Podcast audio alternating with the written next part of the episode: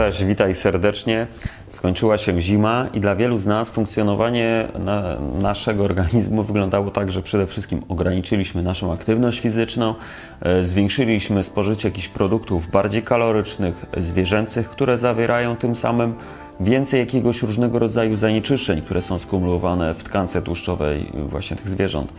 A wiadomo też oczywiście, jak obecnie wygląda sama hodowla. I pokarmy spożywane zimą są również często e, bardziej uboższe w witaminy, w antyoksydanty. Poza tym nasza skóra nie otrzymuje tylu promieni słonecznych, które właśnie przenikają przecież przez naskórek, e, aby umożliwić produkcję witaminy D, która jest z kolei niezbędna do dobrego samopoczucia i do mocnych kości. Także nic więc dziwnego, że pod koniec zimy pewnie odczuwasz jakieś bóle stawów, problemy trawienne, nadciśnienie, może nawet masz napady dyny moczanowej. Także to jest najwyższy czas, żeby się wziąć za siebie i oczyścić własny organizm. I mamy przecież w swoim organizmie takie filtry oczyszczające: wątrobę, jelita, nerki, płuca, skóra. Jednak zimą one są przeciążone ze względu właśnie na, to, na tą spożywaną, przetworzoną żywność. No i dodatkowo siedzący tryb życia, brak pocenia się, zanieczyszczenie środowiska i jeszcze stres. Więc cały ten proces sprzątania jest dla naszego organizmu wyczerpujący. I to całe obciążenie tymi wszystkimi zanieczyszczeniami oraz spowolnienie metabolizmu jest szczególnie teraz zauważalne. Nie wiem przynajmniej, czy ty tak masz, ale ja miesiąc temu mocno odczuwałem zmęczenie i pewnie ty też to zauważyłaś u siebie w tym okresie. Dlatego warto na samym początku wiosny uwolnić swój organizm od wszystkiego, co obciąża nas. Czyli zredukować tłuszcz, który skumulował jakieś pestycydy, jakieś produkty chemiczne, jakieś inne zanieczyszczenia. Należy oczyścić wątrobę, jelita, nerki i nie czekajmy, aż po prostu te nasze organy wraz z nadejściem pierwszych promyków słońca się zbuntują. Bo być może, jeśli masz na skórze jakąś egzemę, łuszczycę, jakiegoś różnego rodzaju alergię, które przecież często są przypisywane rzekomo działaniu słońca, to właśnie mogą być oznaki takiego wewnętrznego zanieczyszczenia organizmu. I słuchajcie, mamy wiosnę, coraz wyższa temperatura, w nocy już nie ma przymrozku, w związku z czym gorąco zachęcam po prostu, żeby sobie pójść po wiosenny sok z brzozy.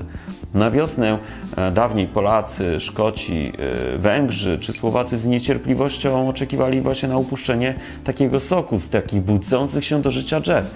Natura obdarzyła nas tym cennym eliksirem właśnie do tego posprzątania naszego organizmu.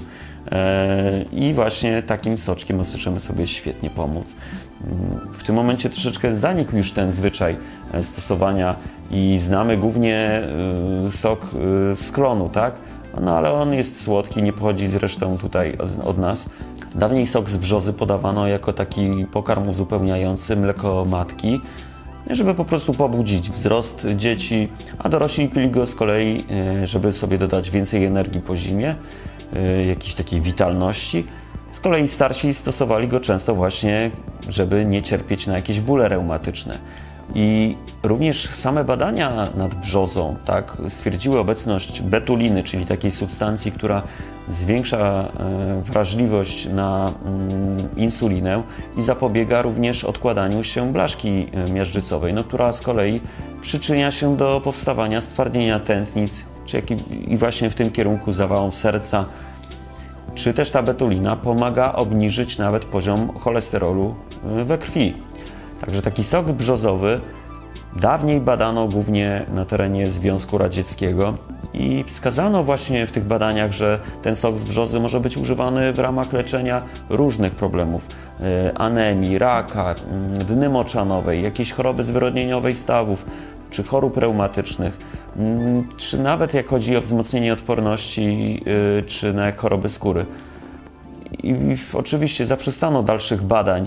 Na czemu? No pewnie chodzi o pieniądze, pewnie z uwagi właśnie na brak jakiegoś takiego interesu finansowego. No badania nad sokiem z brzozy są oczywiście wykonywane, jednak są rozproszone i mm, wiele z tych już przeprowadzonych oczywiście potwierdza takie tradycyjne zastosowanie właśnie w tych różnych problemach.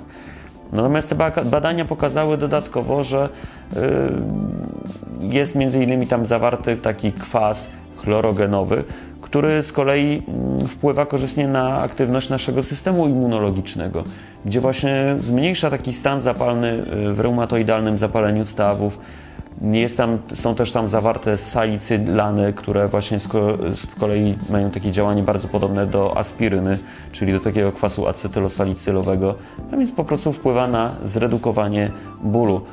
E, I taki sok z brzozy jest również bardzo polecany w celu takiego pobudzenia metabolizmu ze względu na jego działania antyoksydacyjne, co z kolei właśnie pobudza takie działanie opóźniające e, procesy starzenia i taką po prostu regenerację e, komórek, e, skóry i samą ochronę przed takim stresem oksydacyjnym.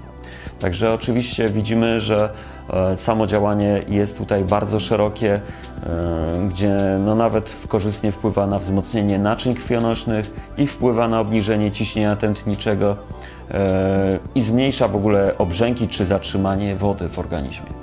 Także już troszeczkę powiedziałem o tych wszystkich właściwościach.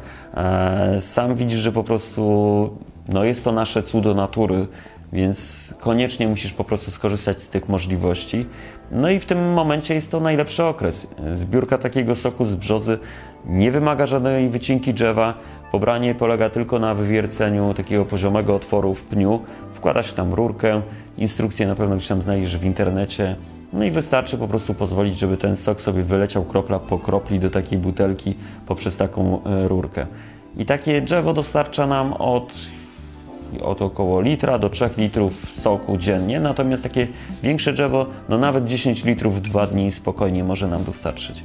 No i oczywiście nie ma ryzyka, że to e, wpływa niekorzystnie jakoś na drzewo, ponieważ drzewo nawet daje nam tylko tyle płynu, ile już nie potrzebuje. A po prostu po zakończeniu takiej zbiórki soku taką dziurę uszczelniamy sobie masą ogrodniczą, żeby po prostu ochronić takie nasze drzewo przed zakażeniami.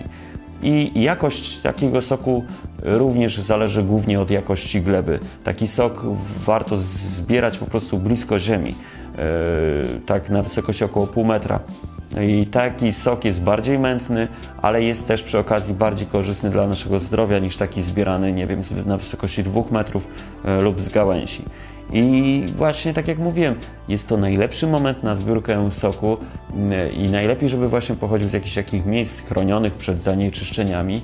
No i oczywiście koniecznie musi być świeży. W lodówce oczywiście można go przechowywać, no ale tak do dwóch dni. Po tym czasie no niestety zaczyna kwaśnieć. Niektórzy czytałem, że dodają troszeczkę spirytusu i to jakoś wydłuża jego trwałość, ale po prostu e, zadbaj koniecznie o swoją odporność, szczególnie, że to jest idealny moment, żeby właśnie skorzystać z tego, co daje nam po prostu natura, mm, z tego, co mamy na miejscu, co było stosowane od wielu lat przez naszych przodków i po prostu koniecznie napisz mi w komentarzu, czy słyszałeś już o stosowaniu soku z brzozy, e, czy odczuwasz może ostatnio jakieś silniejsze zmęczenie, jakieś bóle, lub po prostu czy planujesz zadbać o siebie i zwiększyć swoją aktywność fizyczną, zadbać o swoje zdrowie i koniecznie, jeśli temat Ci się podoba, nie bądź sknera, daj lajka czy też serduszko. No jest to jakaś motywacja dla mnie do tworzenia jakichś kolejnych nagrań. Pozdrawiam.